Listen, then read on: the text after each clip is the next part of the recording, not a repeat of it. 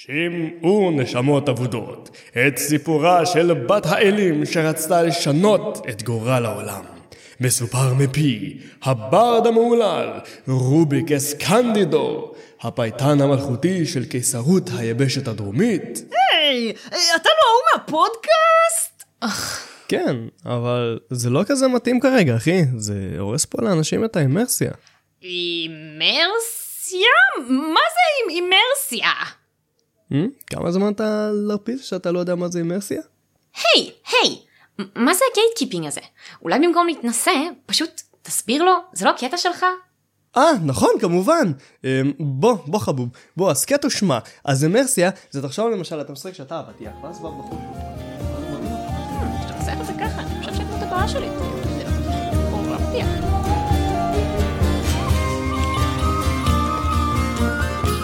וואי, את לא חושבת שהמכון הזה יצא לנו יותר מדי מתח? לא, אני די בטוחה שמי שמתחבר להומור הזה.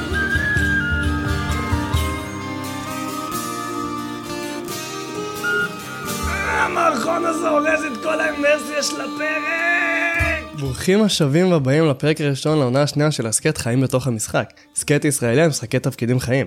שמי אפיק אפרת, וכמו שאנחנו מכירים את הפורמט, אני לא נמצא כאן לבד. האורחות שלנו היום היו הראשונות לגייר מכניקת הסכמה.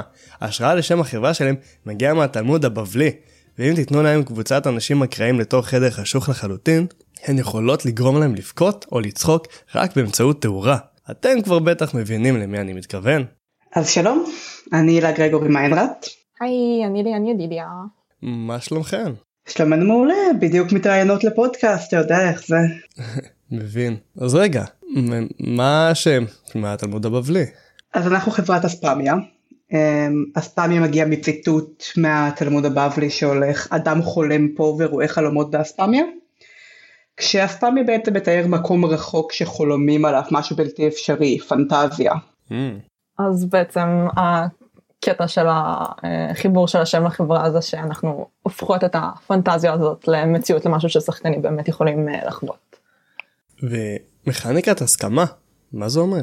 מכניקת הסכמה זה אומר שהבסיס של רוב המשחקים שלנו, כולל שושלנת הרוחות, המשחק הגדול ביותר שלנו כרגע, אמ, מבוססת על זה שהשחקנים יסכימו ביניהם על מה קורה עכשיו ועל מה יקרה הלאה ופחות על דברים כמו קניית נקודות, מי שמכריע מה קורה במשחק שלהם הם השחקנים.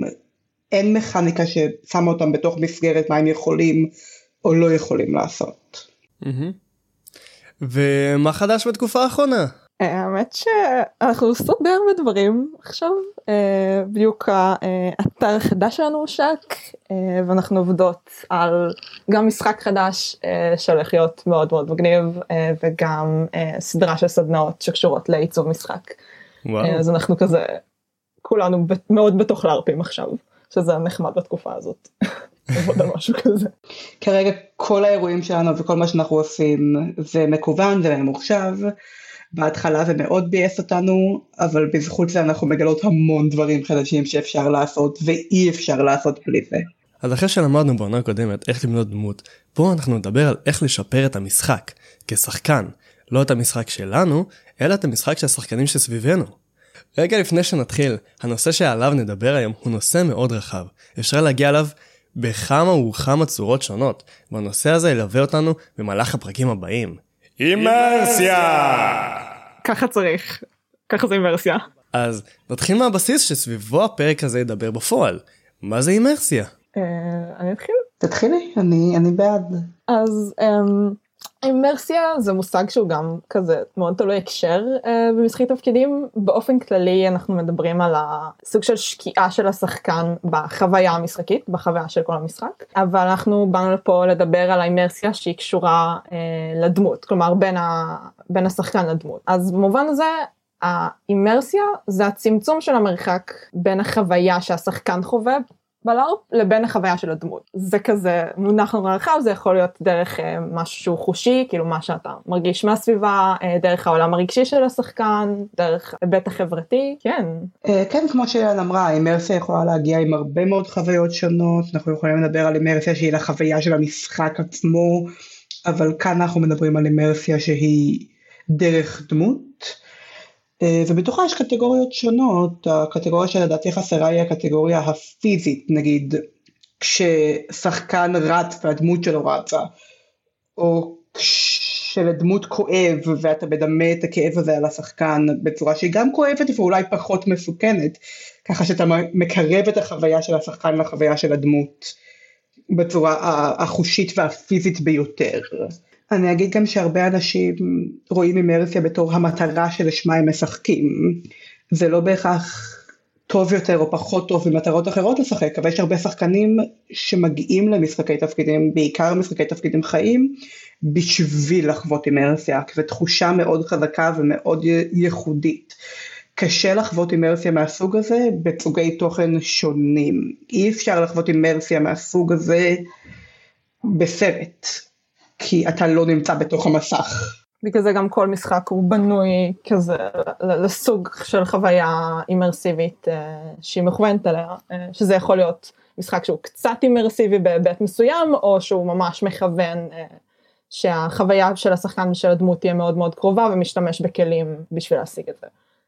ובתור שחקנים, אימרסיה זה משהו שאפשר להתאמן עליו, כאילו להתאמן על להרגיש יותר אימרסיה, על אה, לחוות סוגים שונים, יש כזה מלא טריקים לזה, שזה המטרה ששחקנים מחפשים בלארפ. אז אה, כן, יש הרבה היבטים לזה, אפשר לדבר שעות על כל אחד מהם. אבל אנחנו יכולים לדבר שעות על הרבה מאוד דברים, אז אני לא נכון. בטוחה כמה זה סולם מרשים. אז מה זה אומר לשחק בצורה שמעודדת אימרסיה? קודם כל, כמו שליאן הזכירה, אמ, הדבר הראשון שצריך לעשות בשביל לעודד אימרסיה הוא להיות באימרסיה, להיות במצב של אימרסיה. אנחנו מגדירות את זה כאילו לכל משחק יש חוויה שהוא מכוון אליה. כשאתה נרשם למשחק אתה חותם על איזשהו חוזה חברתי ואומר זה המשחק שבאתי לשחק. בגלל שלארפ נוצר בהסכמה משותפת. אם אני חושבת שאנחנו משחקים משחק פנטזיה קלאסית על דרמה בין אישית ואתה חושב שאנחנו משחקים משחק אקשן חללי שבו הורגים חייזרים, אנחנו לא משחקים באותו המשחק. אז כאשר שחקן מבין את החוויה של המשחק שכולם הסכימו שהם באו לשחק ויוצר דברים שיעודדו אותה, מעודד את הדרמה בין אישית או נלחם בחייזרים בגבורה עזה או מציג פחד מחייזרים הוא מעודד את האחרים סביבו לשחק אותו הדבר. להיכנס יותר לחוויה שהם הסכימו ביחד שהם באו לכאן לחוות, הם באו ביחד לעשות. יש לך אה, דוגמה לזה? אמ, בטח, אם אתה משחק מלך, זה מאוד יעזור לשחקנים סביבך אם תצפה מהם ותדרוש מהם להיות אה, כנועים ומפוחדים מולך וכאשר אתה כשחקן נכנס לסצנה שיש בה את המלך הזה שאתה יודע שהוא אמור להיות דמות מפחידה, דמות מאיימת, אם אתה משחק מפוחד, אתה גם מזכיר לשחקנים האחרים סביבך שהדמות הזאת אמורה להיות מפחידה, אבל גם הפחד הזה עובר כמו חוק הכלים השלובים של הרגשות, כמו שמים עוברים ממבנה למבנה. אם מישהו לידך מביע פחד, אנחנו חיות חברתיות, אנחנו גם נתחיל לחוות את הפחד הזה. וואו, איך זה בא לידי ביטוי בלארפ? אז אימרסיה בא לידי ביטוי בלארפ, כמובן זה מתחיל בצד של העיצוב של המשחק, אה, של איזה סוג, איזה סוג של אימרסיה אה, הולכת במשחק הזה, איזה סוג של כאילו חוויות השחקנים יכולים אה, לעבור. בעיקרון אימרסיה פשוט אה, מאפשרת לשחקן כזה לשים בצד את, ה, את העולם שלו, את כל מה שהוא לוקח אותו אה, וחווה ביום יום, ולהתעלם סוג של מהעובדה שהוא נמצא בתוך עולם בדיוני אה, ופשוט לחוות אותו אה, בכאילו כל מיני דרכים שונות כאילו זה העולם האמיתי שלו זה שקיעה בחוויה. אז כמו שאמרנו אימרסיה זה משהו ששחקנים יכולים לעשות. זה גם אה, דברים כמו שאלה הזכירה קודם של למשל דמויות סמכות יכולות מאוד להשפיע על הסביבה שלהם מאיך שמצפים מאנשים להתנהג סביבך ומאיך ש... שחקנים מתנהגים אחד לשני, אבל זה יכול להיות גם דברים שתורמים לאווירה, כמו כזה תלבושות אה, ואיך שאתה אה, מעצב את הדמות שלך, אה, שסוג של מבהיר לאחרים מי אתה אה, ואיזה יחס אתה מצפה לקבל. זה דברים שגם, כאילו דברים שעוזרים לשחקנים אחרים להיכנס לזה יותר במשחק, זה להרגיש שלכל אחד יש מקום הגיוני וטבעי בעולם של המשחק. אם אנחנו משחקים למשל במשחק שבו כל דמות, הדמויות הן מומחיות לנושא מסוים, אז כשהשחקנים פונים אחד לשני ומבקשים עזרה בנוגע לנושאים האלה, אז השחקנים הרגישו שיש להם מקום, שיש להם אינטראקציה הגיונית וטבעית עם העולם. וזה מאוד עוזר כזה להרגיש בתוך הדמות ולהרגיש כמו שהדמות מרגישה. אם זה עונה על מה ששאלת, כי זה... אני רוצה להוסיף שני דברים. אחד הוא שאנחנו צריכים לזכור שאימרסיה זה לא כן או לא. כשאנחנו מדברים על אימרסיה זה לא או שהמצב אימרסיבי או שהוא לא אימרסיבי. אימרסיה זה יותר בדיוק כמו מים, כמו שאתה יכול להיכנס למים עד הברכיים או עד מעל הראש, למרות שלא כדאי לעשות את זה להרבה זמן. ככה אימרסיה מה שאתה לא צריך לדבר על מה עושה אימרסיה, אלא על מה תורם לאימרסיה ומה מוריד ממנה, מה פוגע בה, וזה גם שריר שמאמנים, יש גם כשחקן של מה אתה חווה, אם לדוגמה יש בקבוק פלסטיק מסתובב, יש שחקנים שזה מאוד מאוד יפריע להם ויפגע להם באימרסיה, ויש שחקנים שיוכלו להתעלם מזה ועדיין לחיות כאילו הם בעולם הבדיוני ולשים בצד את בקבוק הפלסטיק הזה שלכאורה יכול להרוס או להפריע. אז אם משחק או שחקן רוצה לשאוף כמה שיותר לאימרסיה, הוא צריך גם להתאים את הסביבה שלו ברמה הפרקטית לאימרסיה של המשחק הספציפי, אבל גם לעבוד פנימה כלפי עצמו, על איך הוא עושה, שם יותר טוב את המחסום הזה שמטשטש את העובדה שאנחנו בבדיון עכשיו, זה נותן לנו להתייחס לזה כאילו במציאות. דבר השני הוא שעד עכשיו דיברנו בעיקר על אימרסיה חושית. כלומר מה אני רואה, מה אני שומע, מה אני מרגיש פיזית, כמה חם לי, כמה קר לי. אבל יש גם אימרסיות רגשיות שהן לא בהכרח חופפות. לדוגמה, בהרבה מהמשחקים שלנו, המשחקים הקטנים יותר, המשחקי חדר, יש שיר נושא. שיר הנושא מתנגן פעם אחת בהתחלה ופעם אחת בסוף, ולמרות שהדמויות לא שומעות את המוזיקה, לא שומעות את שיר הנושא, המוזיקה נועדה לקרב את השחקנים לחוויה הרגשית של הדמות.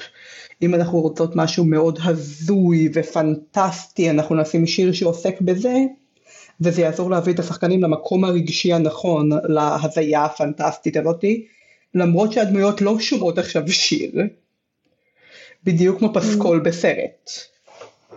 האמת ממש כמו סרט, גם דברים כמו תאורה אה, ואווירה שיוצרים בחדר, אם גורמים לו לראות גדול יותר, קטן יותר, אה, אם רוצים ליצור אווירה מלחיצה יותר, אפשר להשתמש כזה ב... אה, בעיצוב פיזי שמשפיע על המצב הרגשי של, ה, אה, של השחקנים אה, שבעצם מחלחל למשחק דמות שלהם. אחד המשחקים שהרצנו שנקרא אנו הולכים למות ושם לתת כזה בריף על זה או כאילו זה לא חשוב זה משחק שבו שחקנים משחקים גלדיאטורים בשעה האחרונה לפני שהם יוצאים למוות כנראה ודאי אה, בזירה. אה, והמשחק הזה על בעצם העולם הפנימי של הדמויות והיחסים ביניהם אה, כשכל אה, שחקן אה, נמצא בסוג של כלוב תחום, אה, לא יכול לצאת משם. ואחת הרגשות שאנחנו רוצות ליצור זה של אה, דרמה שמתפתחת אה, ועולה לכזה, עולה ויורדת אה, לפי מה שקורה במשחק, יש רגעים שאנחנו רוצות שהם יהיו רגועים יותר ויהיו מין שיחות נגיד כזה עצובות נוסטלגיות בין השחקנים, אז אנחנו משנות את התאורה למשהו מרגיע יותר ורואים השפעה מיידית על זה mm-hmm. בתגובות של השחקנים, כשאנחנו רוצות לעודד יותר זעם על הגורל ודברים כאלה, אז התאורה אדומה חזקה. זה כזה טריקים שמשתמשים בהם בהרבה מדיומים אני חושבת שבלארפ בגלל שיש את האימרסיה הזאת שאנחנו מכוונים אליה אז אפשר uh, כאילו אין סוף לדברים שאפשר לעשות עם זה. אני רוצה לשאול רגע עוד שאלה אז איך אפשר לעשות את זה בקנה מידה קטן יותר או אישי יותר. אה וואו. אמ, אחד מהדברים שלדעתי הכי עוזרים בעיקר ברמה האישית או ברמה הקבוצתית כשאנחנו מדברים על לאפים גדולים לאפים כמו ליברה לאפים כמו קאסל הוא אה, טקסים. וכשאני אומרת טקסים אני לא מתכוונת טקסים דתיים, מכניים, אלא טקסיות קטנה, כמו שאדם יהודי מאמין ינשק מזוזה בכל פעם שהוא נכנס לבית, אם תיתנו לדמויות שלכם טקסים קטנים כאלה, כקבוצה או כיחידים, זה מאוד יעזור לחבר אתכם לדמות ולאווירה של המשחק. בליברה אנחנו שיחקנו בית אצולה בשם אולפן, ובתחילת כל משחק, מהמשחק השלישי והלאה, עשינו בתוך הקבוצה טקס, ממש בהתחלה של המשחק, שהמטרה שלו הייתה לשים, מטרה משחקית שלו, מטרה עיצובית שלו, שאנחנו החלטנו כשחקנים, הייתה לשים מאחורה את הבלגן של ההקמה ואת מי אנחנו בדרך כלל ולהזכיר לנו שעכשיו אנחנו הדמויות האלה, זאת מערכת היחסים שלנו, זה מה שקורה והטקסיות הזאת מאוד מאוד עזרה, עשינו את זה כקבוצה, אה, אני אקריא חלק מזה. בגדול זה עבד כשהדמויות בבית נשבעות ואז ראש הבית חוזרת על גרסה שלה של השבועה, הדמויות בבית חותכות את כף היד שלהן עם דם מזויף כמובן ומטפטפות אותו לתוך האש תוך כדי שהן אומרות את זה. בדם ואש אני נשבע לבית וולפן מטיפת הדם הזאת ועד האחרונה. אני חירות העיר, חרבי לפיד הדרור, כל עוד הנני כאן, ליבון תהיה חופשית. בדם ואש אני נשבע לבית וולפן, מטיפת הדם הזאת ועד האחרונה. אני הוא אחלה נשק לבית ולדם, כל עוד דמי זורם, תדריך אותי גבורה.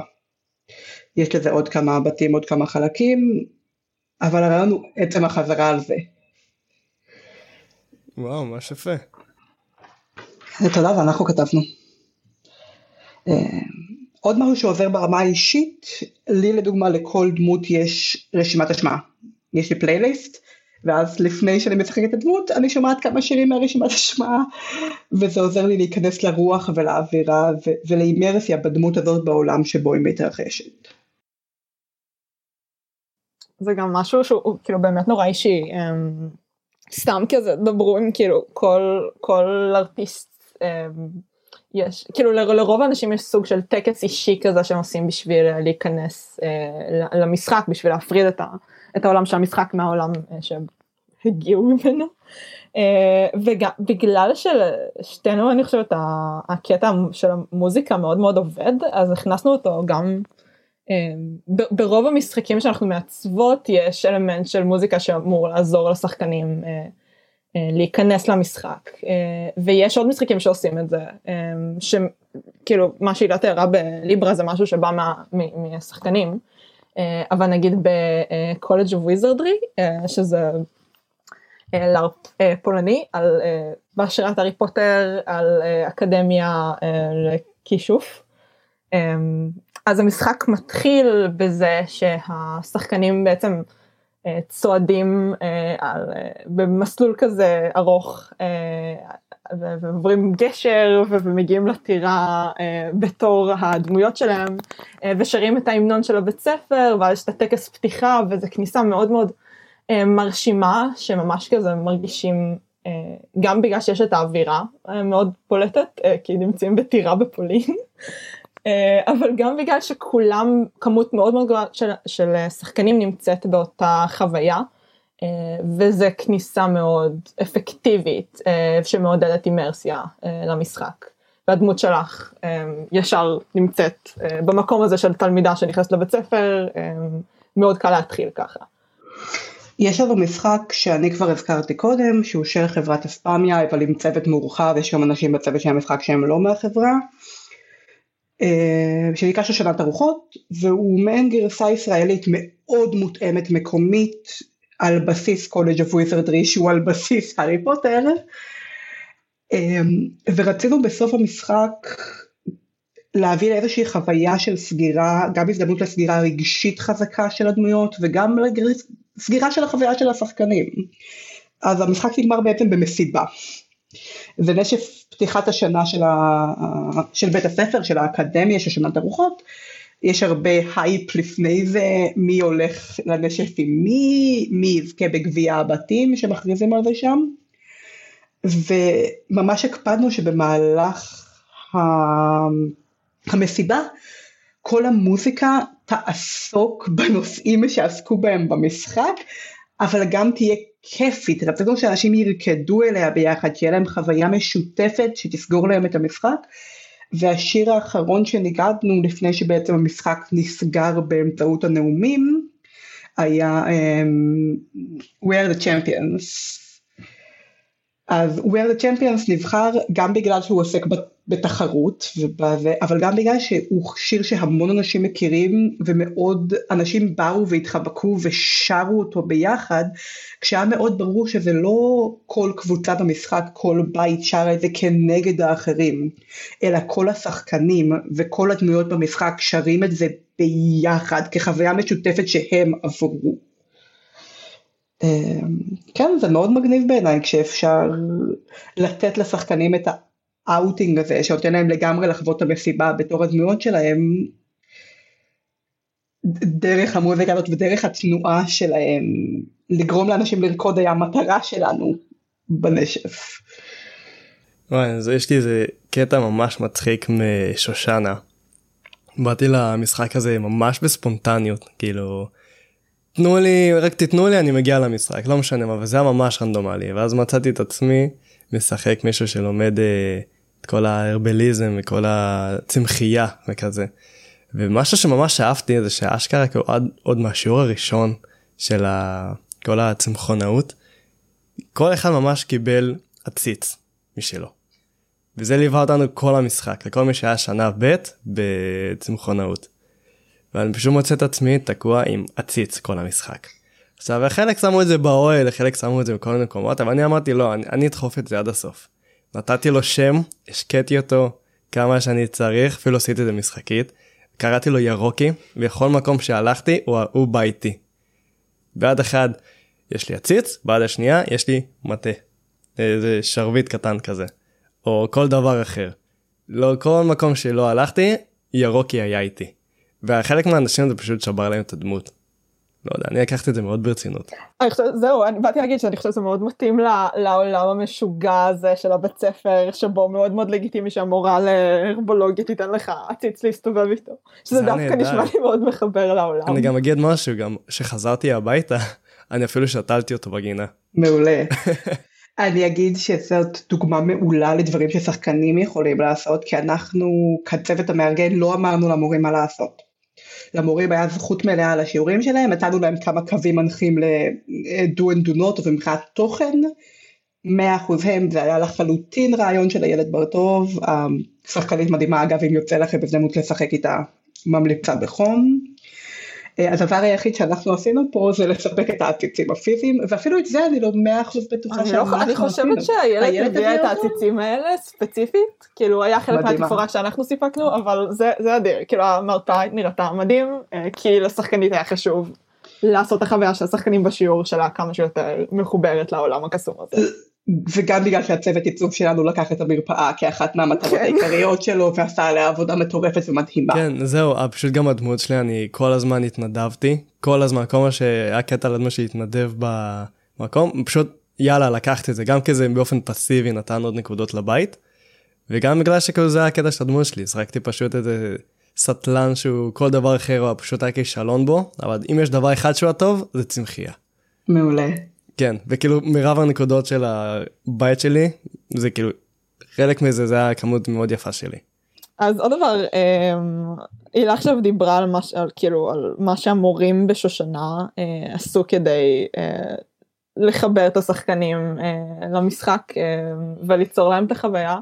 אה, אני, רק, ליאן, אני רק רוצה להדגיש רגע כי זה חשוב כי זה טעות שהרבה טועים בה את לא טעית עכשיו אבל המורים הם שחקנים, אז כל מה שהם עשו בשביל לעזור לחבר את השחקנים האחרים למשחק הגיע מתוך השחקנים, המורים הם לא אנשי צוות ואנחנו לא שלטנו בתוכן שלהם בשום צורה. כן, זה, זה פשוט שחקנים שהם משחקים דמויות שיש להם תפקיד וכחלק מזה יש להם אחריויות מסוימות אה, שקשורות לתכנון למשחק, אבל הם, הם יוצרים את התוכן שלהם כמו שכל שחקן יכול לעשות את זה. אחד הדברים המגניבים אה, ששחקנים הכניסו למשחק לגמרי ביוזמה שלהם אה, זה המועדון של הפואטרי סלאם שהיה להם שם מגניב שאני לא זוכרת כרגע. אה, זה בעצם הם עבדו לפני המשחק אה, על לאסוף אה, שחקנים אה, שמעוניינים לעלות עם קטעים אה, של פואטרי סלאם אה, בערב של הנשף. הם, הם הכינו את כל הקטעים שלהם מראש, הם כזה עזרו אחד לשני לכתוב, הם, אני חושבת, שמעתי גם על חלק שהצטרפו תוך כדי המשחק. והם פשוט הרימו אירוע של, של התלמידים שבו הם, וכאילו כולם היו שם, חצי מהמשחק היה ב, כן. באירוע הזה, זה היה כזה אחד מהשיאים של היום האחרון, וזה אירוע שרק השחקנים יצרו בשביל, בשביל עצמם, בשביל הכיף שלהם.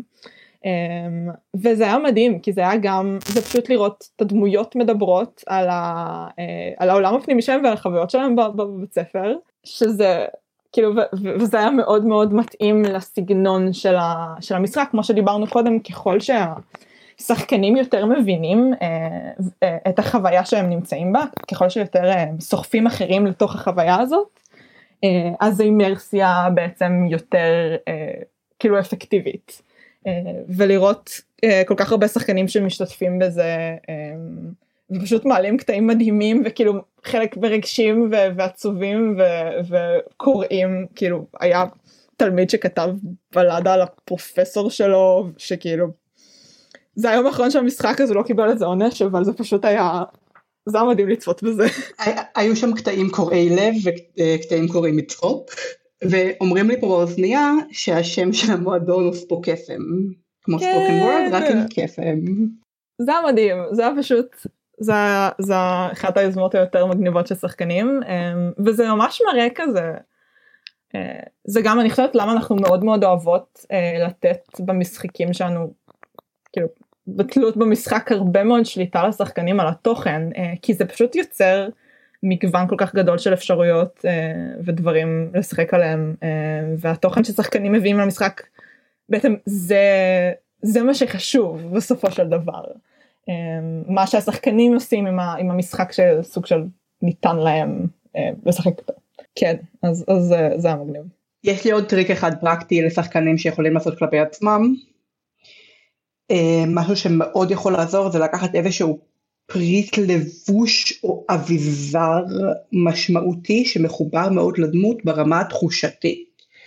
ואז כל פעם ששמים אותו להשתמש בו רק בשביל הדמות הזאת וכל פעם ששמים אותו זה יעזור לך להיכנס לאימרסיה של הדמות חזרה כי אנחנו, זיכרון של בני אדם הוא מאוד חושי. אז אם פתאום אני שמה נעלי צבא כבדות ההליכה שלי תשתנה, הדיבור שלי ישתנה וזה בלי שאני שירתתי בקרבי.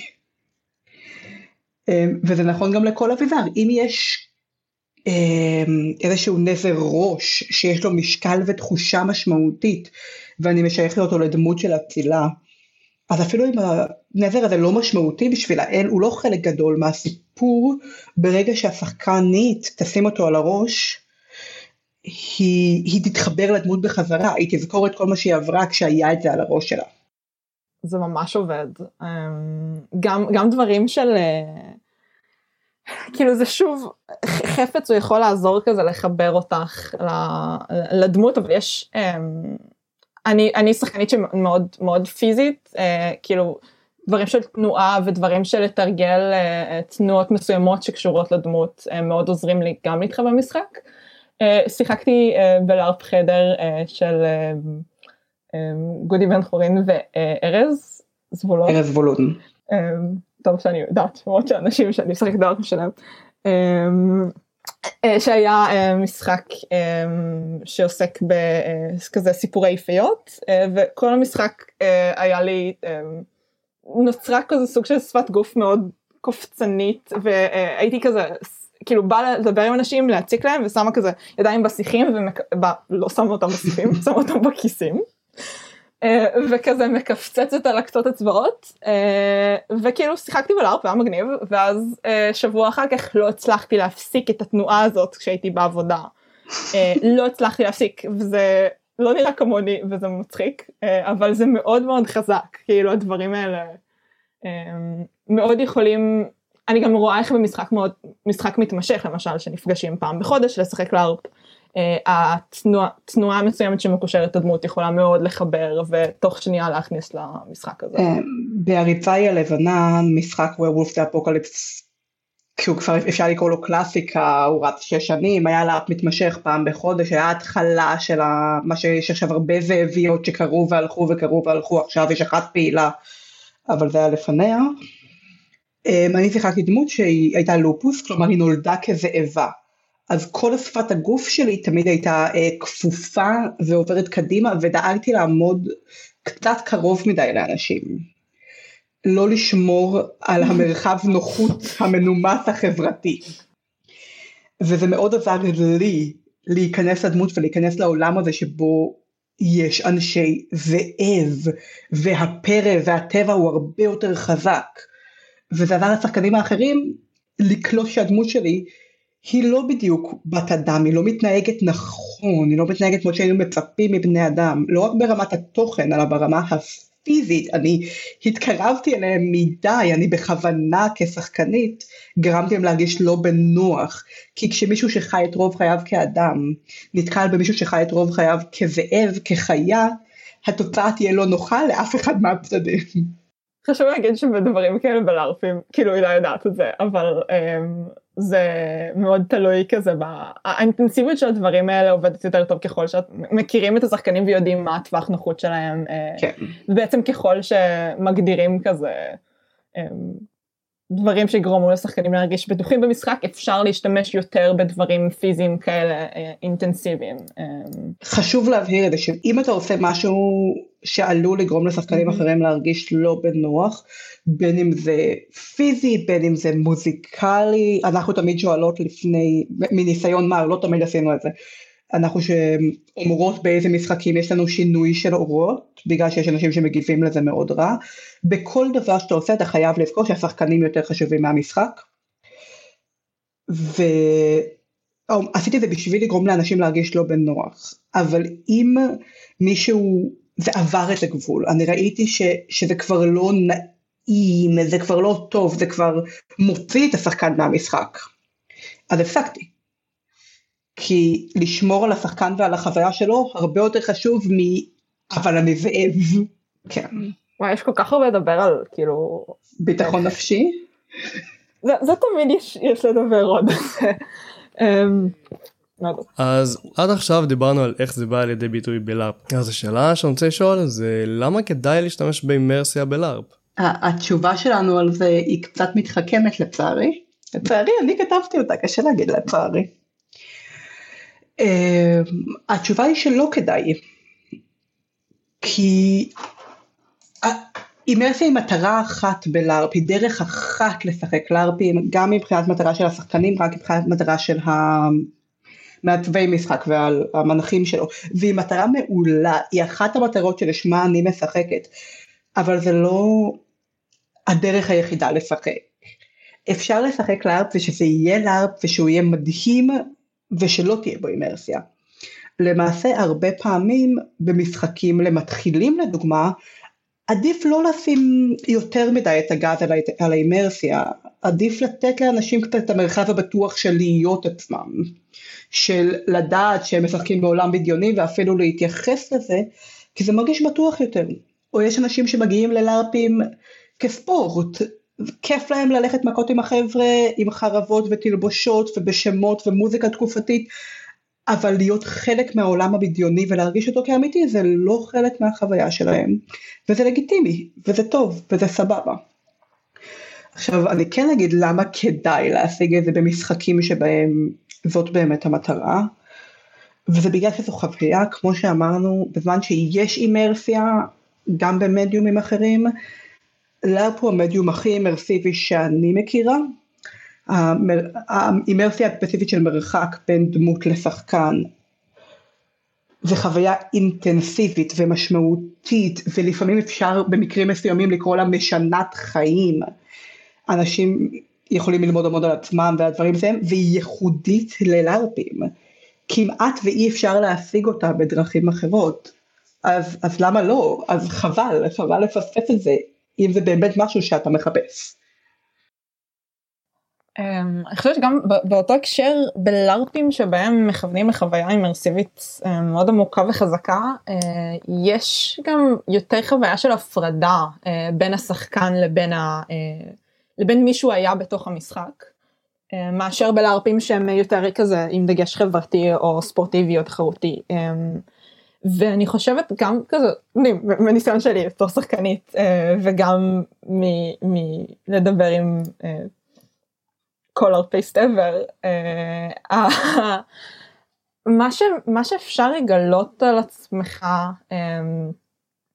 תוך כדי משחק כש, כשיש את ההפרדה הזאת והמרחק הזה ממי שאתם רגילים להיות בחיים ביום יום לבין מי שאתם במשחק היא, היא יכולה גם לתת זה, זה, לא, זה לא באופן מודע זה לא בצורה של אני, אני עכשיו um, חושבת מה לקחתי מהמשחק. זה מובן של עשיתי משהו פיזית בלארפ מאוד מאוד משמעותי ומאוד שונה מבדרך כלל אה, ואני יכולה לקחת ממנו לחיים שלי וללמוד על עצמי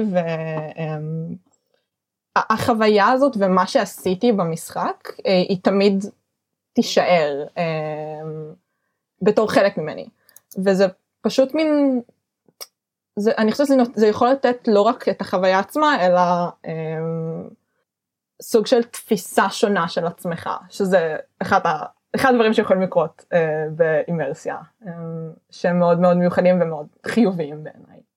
אני אגיד עוד שתי סיבות שיכולות להישמע סותרות אבל בעצם הן, הן הרבה יותר משלימות ממה שאפשר לחשוב. אה, אחד, הרבה מהמשחקים של ליאן ואני מריצות למרות שלא כל המשחקים אמורים להיות חוויה רגשית מאוד אינטנסיבית.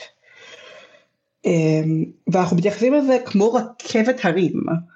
הסיבה שאנחנו נהנים מרכבת הרים היא בגלל שאנחנו יכולים לחוות פחד ולחוות אנדרנלין אבל בסביבה בטוחה. אנחנו יודעים שאנחנו לא באמת ניפגע ובגלל זה אנחנו יכולים ליהנות מהפחד. אם באמת היינו בקרונית באיזה, אמ, לא יודעת. קרונית בחלל. בקר... אם באמת היינו בקרונית בחלל שעפה ונופלת וקופצת, לא היינו נהנים מזה.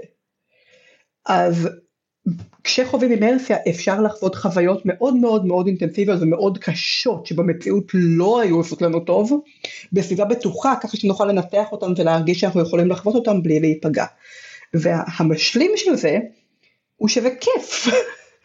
לפעמים גם אם אנחנו לא מדברים על אפים שבהם המטרה היא לא כיף, המטרה היא, היא לבכות ולחוות ולהרגיש, לפעמים זה פשוט כיף להיות מישהו אחר לזמן אחר ולהסתובב בעולם אחר, כי העולם הזה יכול להיות מתיש וכבד וקשה, אז לקחת ממנו הפסקה ולחוות ולחיות באמת עולם אחר ואדם אחר, יכול להיות פשוט כיף, פשוט מהנה, וזאת סיבה טובה לעשות את זה. אה, אז כמו שיש דברים uh, ששחקנים יכולים לעשות כדי uh, לחזק את התחושת אימרסיה שלהם במשחק uh, ושל השחקנים האחרים שאיתם באינטראקציה uh, אז יש דברים שאפשר um, גם לא בידיעה uh, לעשות uh, שיכולים um, להפר את האימרסיה הזאת. Um, דברים האלה uh, זה בעצם בא ישירות ממה שעוזר לאימרסיה אם דיברנו קודם על זה ש... מה שמאוד מאוד מעודד לי זה שכולנו, כל השחקנים נמצאים באותה חוויה ועוזרים אחד לשני לשקוע בה.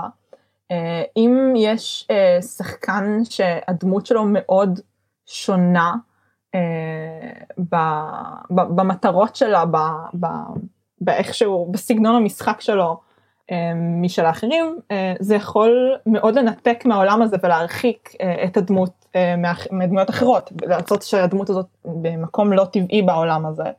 אמ, ובעצם להוציא את השחקנים האחרים מהתחושה הזאת של כולנו באותה חוויה.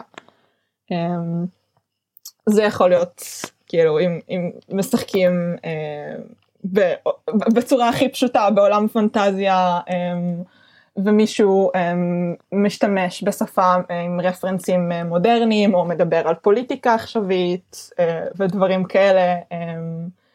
כי גם אם זה יכול להיות מצחיק או כזה גג בשביל השחקן אה, באותו זמן, אה, זה בעצם מרחיק את השחקנים האחרים מהחוויה אה, של אותו שחקן, כי זה לא קשור לעולם שהוא נמצא בו. אז כמו שליאן אמרה, בדיוק כמו שאפשר לעזור לאמרסיה אפשר לפגוע בה, גם לאמרסיה של עצמך וגם לחוויה האמרסיבית של האנשים סביבך.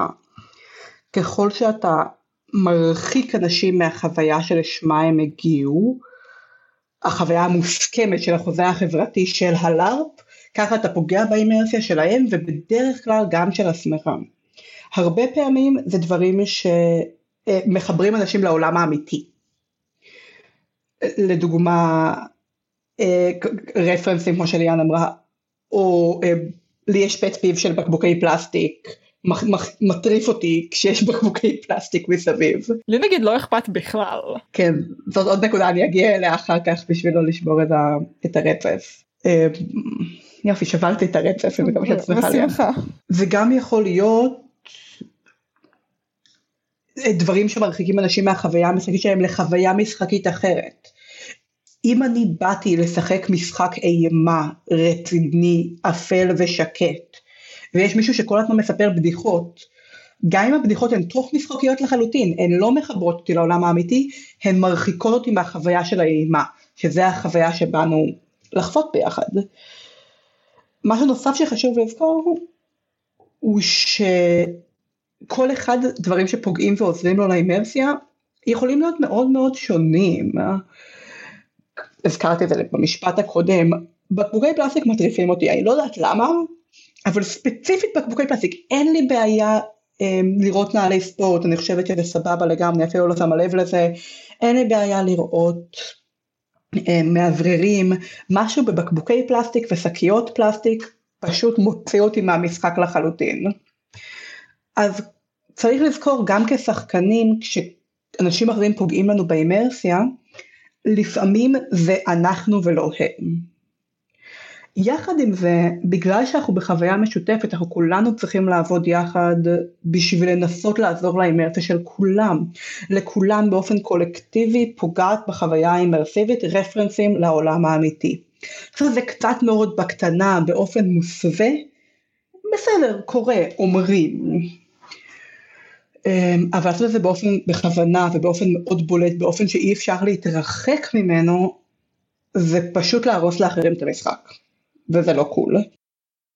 אמ, האם דמות שחקן יכולה להוסיף לאימרסיה? זה, זה בעצם, שוב, הכל כזה מתקשר בעיניי אה, לכמה היא כמה השחקן מתאים את הצורת התנהגות שלו אה, ואת המשחק דרך הדמות שלו לחוויה של אחרים. אה, קודם דיברה על בקבוקי פלסטיק שזה משהו שהוא יהיה רלוונטי נגיד למשחקים כמו אה, ליברה וקאסטל שזה משחקים שיש להם תקופת זמן שבה לא היו בקבוקי פלסטיק. אבל גם בלארפים שהם קטנים או לארפי חדר או לארפים עם black box שזה שהעיצוב הוא מאוד מינימליסטי אמ, ואין הרבה חפצים או עוד דברים בולטים כאלה שיכולים להרוס. שנייה, אני דיברתי על משהו לא רלוונטי. דיברת על התאמה של הדמות לעולם. כן, רציתי לדבר על זה. אמ,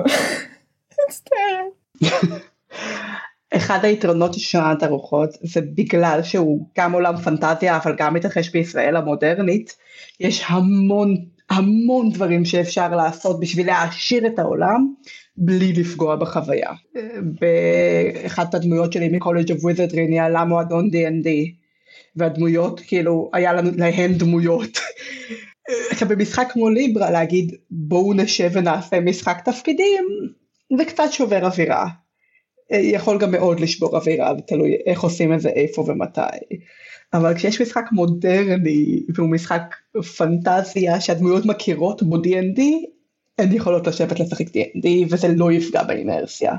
אה, אבל דיברנו על לתרום דווקא, ליאנה את רוצה להשלים כן, בגלל זה חשבתי על זה שזה באמת משחקים שיש בהם יותר אה, מין תתי קטגוריות לשחק בהם, כי המשחק שלך יכול להיות מאוד שונה ממשחק של מישהו אחר אה, שנמצא במשחק שבו יש 250 שחקנים.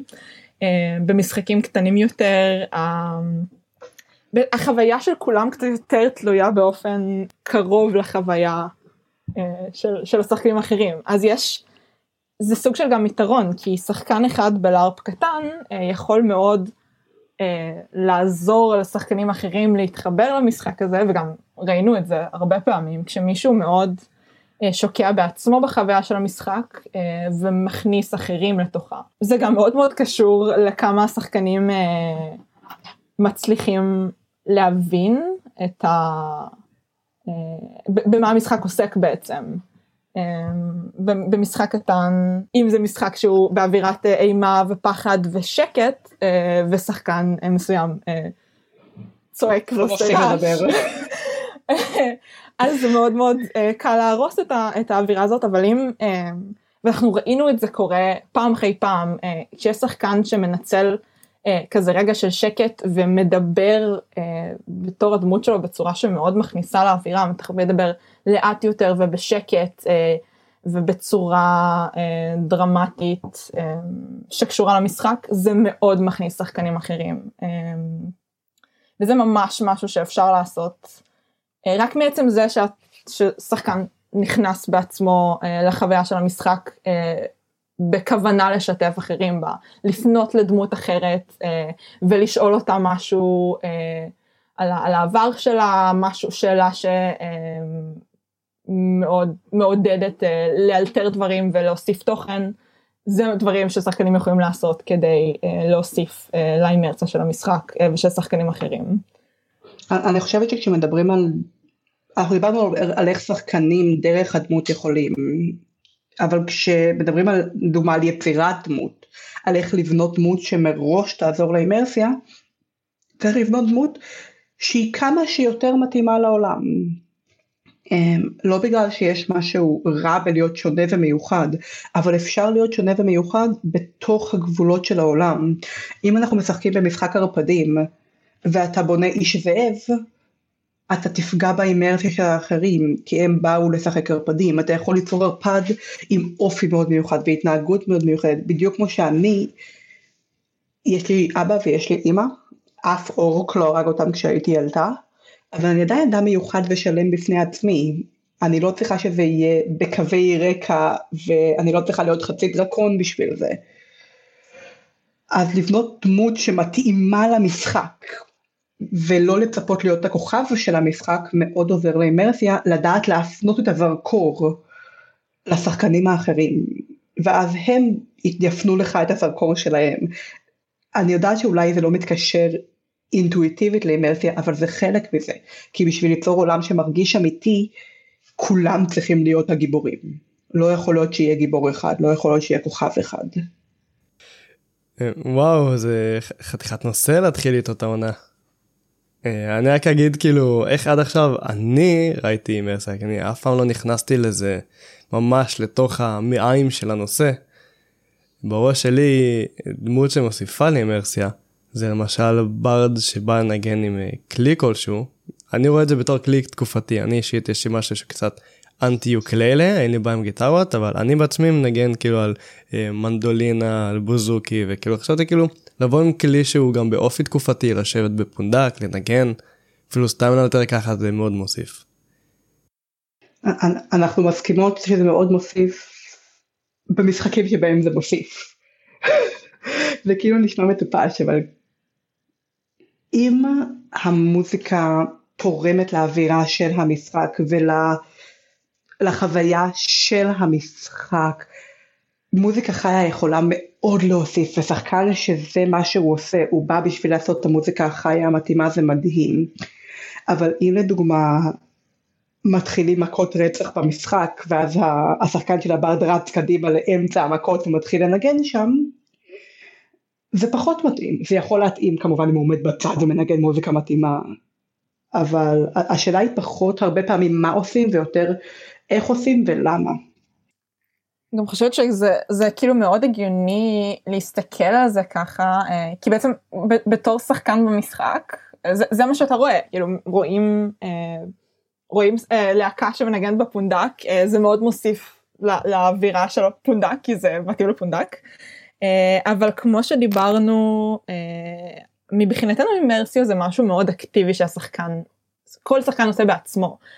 ואז זה יכול אם אתה ברד בפונדק וזה הדמות שאתה משחק זה יכול מאוד להוסיף לחוויה שלך ולא בהכרח לחוויה של מישהו אחר כי, כי כל אחד מתמקד במשהו אחר. אה, אבל זה כאילו זו תפיסה מאוד מאוד הגיונית אני חושבת שההבדלים שאנחנו מדברים כאן זה בגלל שדיברנו בעיקר על איך אה, החוויה של השחקנים ואיך שהשחקנים מתנהגים. משפיע על המשחק ועל השחקנים ועל, ועל האינטראקציה הזאת. אמ, ולא על האלמנטים במשחק אה, כמו דמויות ו- ותפאורה ותלבשות וכאלה. אני חושבת שמשהו שכדאי להגיד הוא שיש הרבה דברים שמנחים ומארגנים יכולים לעשות. בשביל אה, לעזור לשחקנים להגיע לאימרסיה, בשביל לתת לשחקנים כלים להיות במצב של אימרסיה או לעודד אחרים להיות במצב של אימרסיה, אבל יותר חשוב להגיע מהקרקע ולמעלה כאן. יותר חשוב שהשחקן ידע מה הוא יכול לעשות, מאשר שנתחיל להסביר למארגנים ולמנחים מה הכלים שלהם.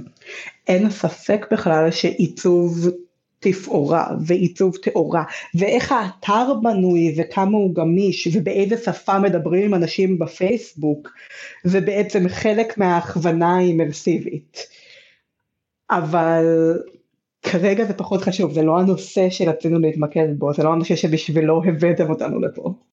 אז וואו זה אפשר לדבר על זה אפילו לעוד פרק נראה לי. אנחנו נשמח לבוא שוב. בכיף אז אז פמיה אז איפה אפשר למצוא אתכם? אנחנו בדיוק השקנו את האתר שלנו, הלינק שלו נמצא בתיאור טקסט ממש כאן, אפשר למצוא אותנו בפייסבוק בעמוד אספמיה משחקי תפקידים חיים, ואנחנו ממש עכשיו פתחנו קבוצת פייסבוק ייעודית שהיא בהובלת אספמיה או איך שלא תקרא לזה, אבל המטרה שלה היא לדבר על לארפים ברמה של עיצוב משחק, ברמה של עיצוב חוויה, לדבר על, ה, על התיאוריה ועל העומק של לארפים באופן ספציפי, בגלל שאנחנו מרגישות שזה קצת חסר במרחבים האחרים שבהם מדברים על לארפים. אנחנו מאוד נשמח עם אנשים שרוצים לקרוא יותר, ללמוד יותר או להגיד יותר, לומר. השחקנים, כל שחקן במשחק יודע טוב מאוד על לארפים, לרוב יותר ממה שהוא חושב. אז אנחנו רוצות לשמוע מכולם, אנחנו רוצות שזה קבוצה שאנשים לוקחים בחלק ואומרים את מה שהם חושבים. אמ, בנוסף לזה אה, אנחנו אמ, בדיוק הוצאנו עכשיו אמ, משחק אה, חדש שהולך להיות אה, סוג של לארפ שמשלב מציאות רבודה, משחק טקסט ועוד דברים כי אנחנו התחלנו לחקור עומק את איך אפשר לעשות לארפים שאי אפשר להיפגש פיזית. ואנחנו מאוד מאוד נשמח אם תבדקו בדף אספמיה uh, ותצטרפו אלינו אם זה מעניין אתכם. ובנוסף לזה אנחנו בקרוב uh, כזאת נשאיר גם סדרת uh, הרצאות וסדנאות uh, על uh, uh, עיצוב לארפים. אמ, שם תוכלו לשמוע אותנו שוב מדברות הרבה הרבה על ארפ. אה, אבל שם גם יהיו תרגילים. אבל שם זה יהיה סדנה. להתנסות אה, בדברים. כן. ומאוד כן גם אה, ההרשמה לאורורה בקבוצות עדיין פתוחה זה משחק שהרצנו אותו כבר יותר מדי פעמים אנחנו נורא נהנות להריץ אותו שחקנים מאוד נהנים לשחק בו אנחנו מאוד ממליצות. זהו נראה לי מה שאנחנו עושות בינתיים. תשחקו תמשיכו לשחק אל תיתנו כן. לתקופה הזאת להכניע אתכם תמשיכו לשחק תמשיכו ליצור. איזה יופי. אז תודה רבה לכם. תודה אלה ותודה לליאן. תודה לכם, היה מאוד כיף. איזה כיף.